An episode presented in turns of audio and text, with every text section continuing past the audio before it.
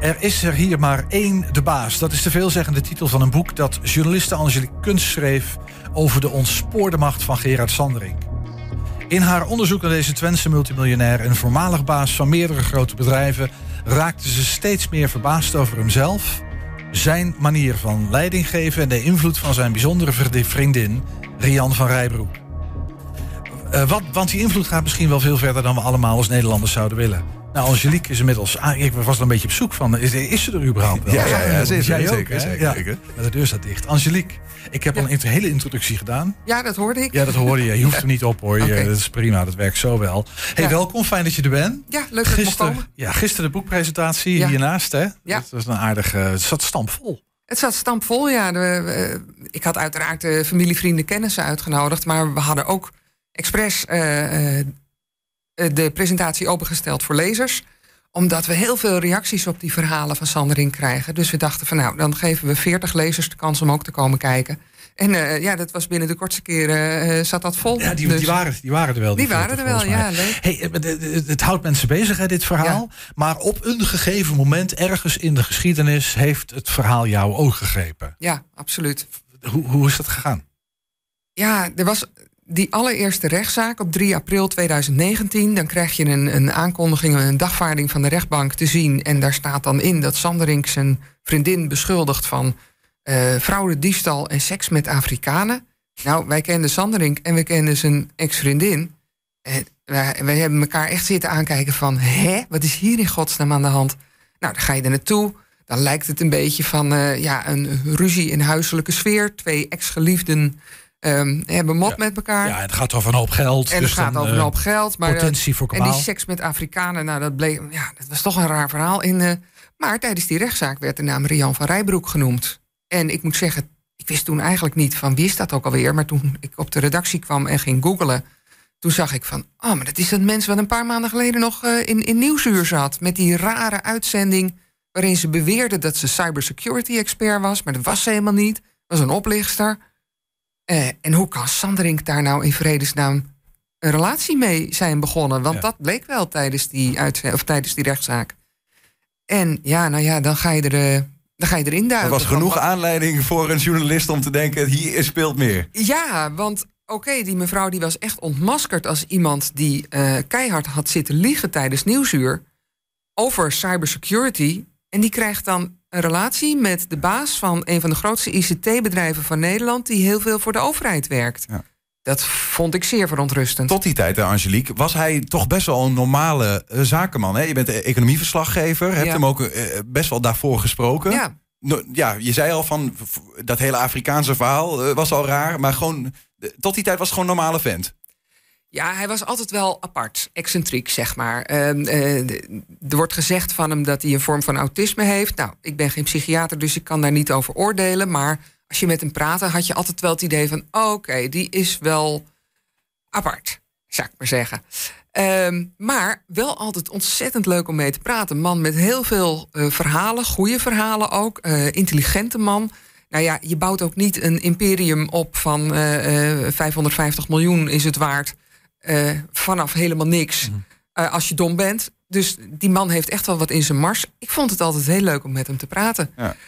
Um, alleen ja, toen met die rechtszaak, uh, toen kreeg je wel het idee van er is nu de, ergens is er nu iets niet goed. Nee, want Rian van Rijbroek, hè, de, die bekend staat inmiddels als een soort van cyber-charlatan. Hè, die, die sprak zich naar binnen bij Nieuwsuur als een blockchain-expert, was het geloof ik. En dat, eh, ja, ze zei, smart blockchain. Ja, ze, ze adviseerde het Nederland over cybersecurity. Nou ja, dat bleek allemaal onzin te zijn. Uh, allemaal mensen in de pen, weet je, op Twitter. Deze vrouw praat onzin. Nou, maar die heeft zich blijkbaar ook naar, midden, naar binnen gepraat bij Sanderik. Maar hoe heeft ze dat gedaan? Want ze is ook nog eens, ja, ik wil niet oordelen, maar een stuk jonger.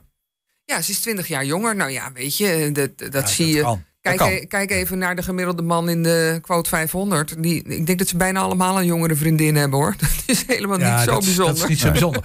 maar op zich, deze, deze weldenkende man uh, gaat op een gegeven moment met ja, cyber. Nou, dat is inderdaad heel raar. Want je denkt van hij heeft er verstand van. Maar nou is het wel zo. Meneer Sanderink heeft heel veel verstand van de binnenkant van een computer. Van uh, programmeren. En dan ook nog een beetje gedateerde kennis, schat ik zo in. Want dat heeft hij al jaren niet meer gedaan, programmeren. Uh, maar hij, hij is eigenlijk functioneel digibet. Ik bedoel, geef hem een smartphone en hij weet eigenlijk niet goed wat hij daarmee moet. Hij kan er wel mee bellen, maar ehm, hij was ook bijvoorbeeld diep onder de indruk dat op een gegeven moment uh, Van Rijbroek, die heeft McAfee uh, antivirus software op zijn telefoon gezet.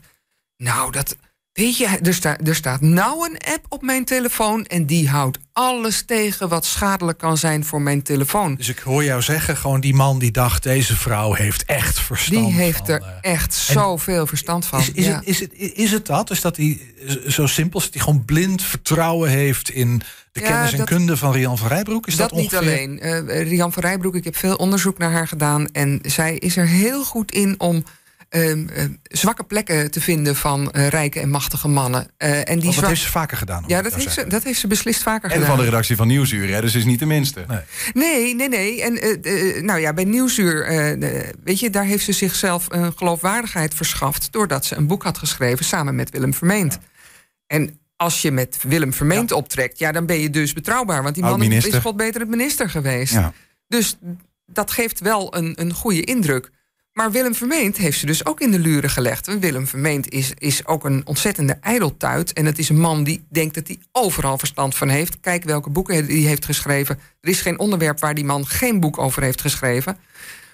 En zij weet donders goed dat hij niet overal verstand van kan hebben. En ze heeft, maar hij pretendeert dat wel. Mhm. Dat is zijn zwakke plek. En daar heeft ze op ingespeeld. Ja. En dan gaat ze hele moeilijke dingen vertellen en dan moet Willem vermeend wel zeggen: ja, ja, nee, natuurlijk. Hij kan ja, niet zeggen: dit weet ik. Hij kan niet zeggen: dit snap ik niet. Ik, Hier heb ik geen verstand van. Wat gebeurde er? Want zij werd uh, zijn vriendin.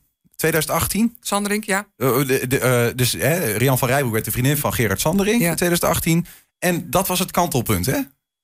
Wat gebeurde er dan met Sanderink daarna? Nou, al binnen een paar maanden nadat ze elkaar voor de eerste keer gezien hadden, kreeg zij het voor elkaar dat hij zijn testament veranderde. Zijn uh, erfenis zou gaan naar een stichting waar zijn ex-vriendin uh, Brigitte van Echten uh, in het bestuur zat. En er werd een nieuwe stichting opgericht waar mevrouw van Rijbroek in het bestuur zat. En daar gaat straks, tenminste dat heeft hij altijd gezegd, ehm, zijn aandelenbezit naartoe. Dus daar komen in feite zijn bedrijven in. Nou, en mevrouw van Rijbroek zit in die stichting. Dus die krijgt een flinke vinger in de pap bij die bedrijven door middel van die dat, aandelen? dat kun je verwachten, ja. Nou, Kijk, we weten natuurlijk niet precies wat er in zijn testament staat. Nee, ik, even advocaat voor de, voor de, van de duivel spelend. Ja. Sanderink en zijn ex hebben, uh, geloof 26, 27 rechtszaken. Uh, En dat gaat ook over geld en over boedelscheidingen, weet ik wat allemaal. allemaal dus dat is nog nou, niet over boedelscheiding, want uh, die, die hadden helemaal niks samen nee, in feite. Maar dat gaat ongetwijfeld over geld. Nou, zelfs dat niet. Nee? Nee, het gaat er vooral over dat hij haar beschuldigt van allerlei hele nare dingen de Fiat-inval bij zijn bedrijf, uh, uh, diefstal en fraude. En uh, zij zegt, dat heb ik niet gedaan. En Sandring heeft tot nog toe ook niet kunnen bewijzen in al die rechtszaken dat zij dat wel heeft gedaan. Nou ja, het enige wat zij in het begin wilde was gewoon excuses en een rectificatie. Maar toen hij dat niet deed, toen was het van ja, ik wil dwangsommen. Ja. Hey, ik, ik, ik, ik, probeer me even, ik kan me voorstellen, als je dat wil voorkomen, dat je dan iets anders verzint om ervoor te zorgen dat je vrouw niet aan je geld kan komen. Of dat je ex niet aan je geld kan komen. Maar ik wil even switch maken naar, want nou ja, tot, weet je, tot zover klinkt het nog heel erg als een inside ding. Uh, nou ja, een beetje dit is leuk voor story en voor privé. Maar wat hebben wij ermee te maken? Hè? Dit zijn mensen die met elkaar overhoop liggen. Ja, dat gebeurt vaker. Misschien een zakenman die zijn bedrijf een beetje gek leidt. Omdat hij onder invloed is van iemand die een beetje wonderlijk in elkaar steekt. Nou, ook dat gebeurt vaker. Maar wat heeft dat verder met ons van doen? Ja, dat is eh, bij sommige mensen nog steeds een misvatting van uh, dat ik een beetje in dat privéleven zit te vroeten omdat het allemaal zo, zo spannend is. Dat is dus niet zo. Die bedrijven van Sanderink, dat zijn grote bedrijven die heel belangrijk zijn voor de infrastructuur in Nederland. Zijn bouwbedrijf Structon bouwt bruggen, viaducten, spoorwegen, dat soort dingen. En Centric, zijn ICT-bedrijf, werkt heel veel voor Nederlandse gemeenten. werkte in het verleden ook voor de Sociale Verzekeringsbank, voor de Nederlandse Bank. Um, eigenlijk iedere Nederlander zit wel ergens met zijn gegevens in een systeem van Centric. En dat zijn privacygevoelige en financiële gegevens waarvan je niet wil dat die in verkeerde handen vallen. En als Centric slecht geleid wordt, dan heb je kans dat het verkocht moet worden, in onderdelen verkocht moet, of dat het failliet gaat. Of... Er is een hele hoop gebeurd hè, binnen het bedrijf. Topmensen ontslagen. Oh, echt, alle, alle goede topmensen zijn ontslagen. Alsof de controle weg is daar. Ja, Absoluut. Iedereen die. Maar is, is Centric nou een platform zoals Facebook dat is, waar al die gegevens op verzameld zijn en Centric kan daarbij? Of is het softwareontwikkelaar en liggen die gegevens bij de gemeente, bij de overheid? Die gegevens die liggen in principe bij de, bij de gemeente. Dus uh, jouw, jouw paspoortgegevens, daar kunnen ze bij Centric niet zomaar bij. Maar, ja. precies.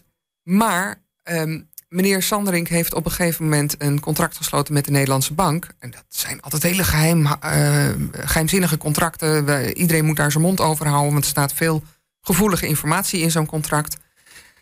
En ehm, hij heeft de papieren van de Nederlandse bank zo aan zijn vriendin gegeven van kijk jij daar eens naar van uh, hoe dat nou zit met die Nederlandse bank, want jij hebt er verstand van. Nou, punt 1, ze heeft er geen verstand van. Punt 2, ze werkt niet bij Centric. Punt 3, ze was niet aan geheimhouding uh, verplicht. Je moet er niet aan denken wat er gebeurt als zij ook eens even gezellig in al die contracten van die gemeente gaat zitten rotzooien. En zij lijkt een aardige infiltrant. Uh, ja, absoluut. Dus, dus zij weet zeer hoe ze dingen kan, precies, ja. hoe ze dingen kan bespelen. Ja, mensen en, en ja. Maar wat suggereer je daarmee is dat die, dat die systemen van Centric. Want uiteindelijk zijn dat natuurlijk gewoon waarschijnlijk softwarebouwers. Gewoon hele slimme jongens die echt wel weten hoe ze, hoe ze zoiets in elkaar moeten steken. Die die software ontwikkelen. Uh, dus ik ben een beetje op zoek naar de vraag van hoe groot is nou echt het risico daadwerkelijk. Dat Sandering gekke dingen doet en, en, en misschien zijn vriendin ook. Oké, dat, dat, dat is helder volgens mij. Dat, uh, dat weten we allemaal. Ja. Maar hoe, hoe groot is nou het risico dat, die, dat daarmee ook in dat bedrijf die software uh, gecomprimeerd gaat, zou kunnen gaan raken? Of dat de controle daarop weg is? Ja, ik denk dat je dat, dat je dat niet. ik denk niet dat Rian van Rijbroek zo in jouw paspoortgegevens kan kijken. Maar zou jij het fijn vinden als onze uh, overheidssystemen in handen kwamen van een Chinees bedrijf, een Russisch bedrijf? Wat gebeurt er als het verkeerd gaat met Centric en ze moeten de tent verkopen? En ze verkopen het aan de hoogste bieder. Mm. En die hoogste bieder is maar dat is toch, Elon Musk bijvoorbeeld. Dat is toch per definitie een, een, een reëel risico van dit soort bedrijven? Nou, dat was het tot nog toe niet. Centric had altijd als unique selling point dat het zo'n ongelooflijk degelijk bedrijf was. Want meneer Sanderink was een ongelooflijk degelijke ondernemer. Die had niet te maken met vervelende aandeelhouders, want hij was de enige aandeelhouder. Oh, ja. Ehm, hij, hij, was ontzettend degelijk. Hij had geen rare vrienden, vriendinnen, geen vreemde hobby's, geen dure uh, buitenissigheden. Dus juist omdat die man zo ongelooflijk degelijk was altijd, dat was een soort uh, garantie dat Centric een heel degelijk en goed geleid bedrijf was. En dat blijkt nu ineens de grootste zwakte van het bedrijf te zijn. Overigens is hij, hij is nu niet meer topman van die bedrijven, toch? Ja, officieel niet. Hè? Kijk, hij is alleen nog maar de aandeelhouder. En uh, andere mensen zijn, uh, die, die zijn de bestuurders. De, enige Goed, de aandeelhouder bepaalt. Ja, want als jij als bestuurder niet doet wat hij zegt, dan word je ontslagen. Dat is in de zijn afgelopen geen, jaren wel gebleken. Geen toezichtsorganen of zo bij dit soort bedrijven dan? Nee, dat zou je dus willen. Hè? Ja. ja dat, en normaal gesproken is het ook zo dat zo iemand eh, gecontroleerd wordt door zijn raad van commissarissen. Maar het vervelende is, als jij de enige aandeelhouder bent, dan controleer jij de raad van commissarissen. Dat moet toch eigenlijk niet kunnen? Nee, nou ja, dat is precies het probleem. Daarom heet mijn boek ook Er is er hier maar één de baas. Dat is precies het probleem in de bedrijven van Sanderink. Er is er maar één de baas en dat is Sanderink zelf. En iedereen die probeert om hem te controleren of bij te sturen, die kan inpakken. Ja. Wat doet het eigenlijk met, met jou gewoon als persoon? Hè? Je schrijft zo'n verhaal, je bent daar vier jaar mee bezig. Um, nog steeds. Wat doet het met jouw vertrouwen in, uh, in de macht in Nederland? Dat dit kan, dit soort dingen.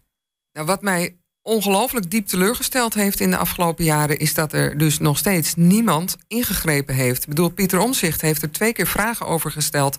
En wordt werkelijk met een kluitje in het riet gestuurd door de ministers van Financiën en Economische Zaken. Maar wat moet je doen? Dit is een, dit is een commercieel bedrijf. Het is gewoon een marktpartij. Ja. ja, toevallig één aandeelhouder, kunnen we allemaal wat van vinden. Maar ja, weet je, dat kan toch? Hij doet niks illegaals, dus op grond waarvan zou je hem... Je en wie zou wat moeten doen? Nou, je kunt als ministerie echt wel een hele hoop druk uitoefenen... om te zeggen van, hé hey, meneer Sanderink... u bedient 185 Nederlandse gemeenten... En wij beginnen ons ernstig zorgen te maken. Wij willen keiharde garanties. Wij willen uh, exact weten wie er bij u aan het roer staat, wie er aan de touwtjes trekt. Wij willen niet dat mevrouw van Rijbroek zich ermee bemoeit. En, en in plaats daarvan. En anders, dan, uh, dan ga je ingrijpen via de rechter, via contractontbinding, via een ondernemingskamer. Ja, je zou kunnen zeggen, dan zeggen we de contracten met u op en dan maken we geen gebruik meer van uw diensten, want we vertrouwen uw, uh, uw onderneming niet meer. Um, maar dan moet je overstappen op nieuwe systemen. Dat is ook een enorme Dat is ongelooflijk ingewikkeld. Er is eigenlijk maar één andere aanbieder die uh, uh, deze systemen heeft. En dat is Pink Rocade. En die zijn net overgenomen door een Canadees bedrijf. En dan denk je, ja, ja oké, moeten we die dan uh, al die gegevens toevertrouwen? Dus, dus je zit behoorlijk gebonden aan zo'n partij. Dat is natuurlijk het probleem. Ja, en je zit vaak met langjarige contracten, want zo'n contract sluit je niet voor een jaartje af. En het zijn uh, systemen. Ja, uh, een andere partij heeft dat niet zo snel ontwikkeld opnieuw.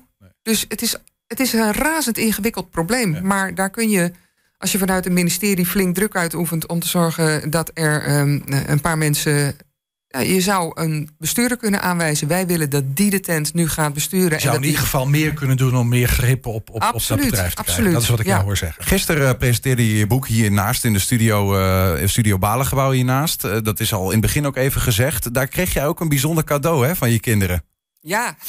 dat is deze pen. Ja. Met daarop de, de, de titel van het boek. Er is hier maar één, ja. de baas. zegt dat iets over jouw moederschap? nou, ik denk dat mijn kinderen ook wel uh, redelijk de baas waren vroeger. Maar uh, nee, dit is gewoon een ontzettend lief cadeautje van ze. Uh, ze zijn hartstikke trots op me. En, en mijn kinderen zijn allebei al een aantal jaren het huis uit. Dus die, ik, ben, ik ben helemaal geen baas meer over ze, absoluut niet. Nee, nee. Hey, maar, maar nog heel even naar die kinderen. ja, je zegt ze zijn al een paar jaar de deur uit. Ja. Um, maar dit zijn dossiers uh, waar je als onderzoeksjournalist, in, hier verzuip je bijna in, hè? de dag en nacht. Ja. Uh, wat heeft het je gekost?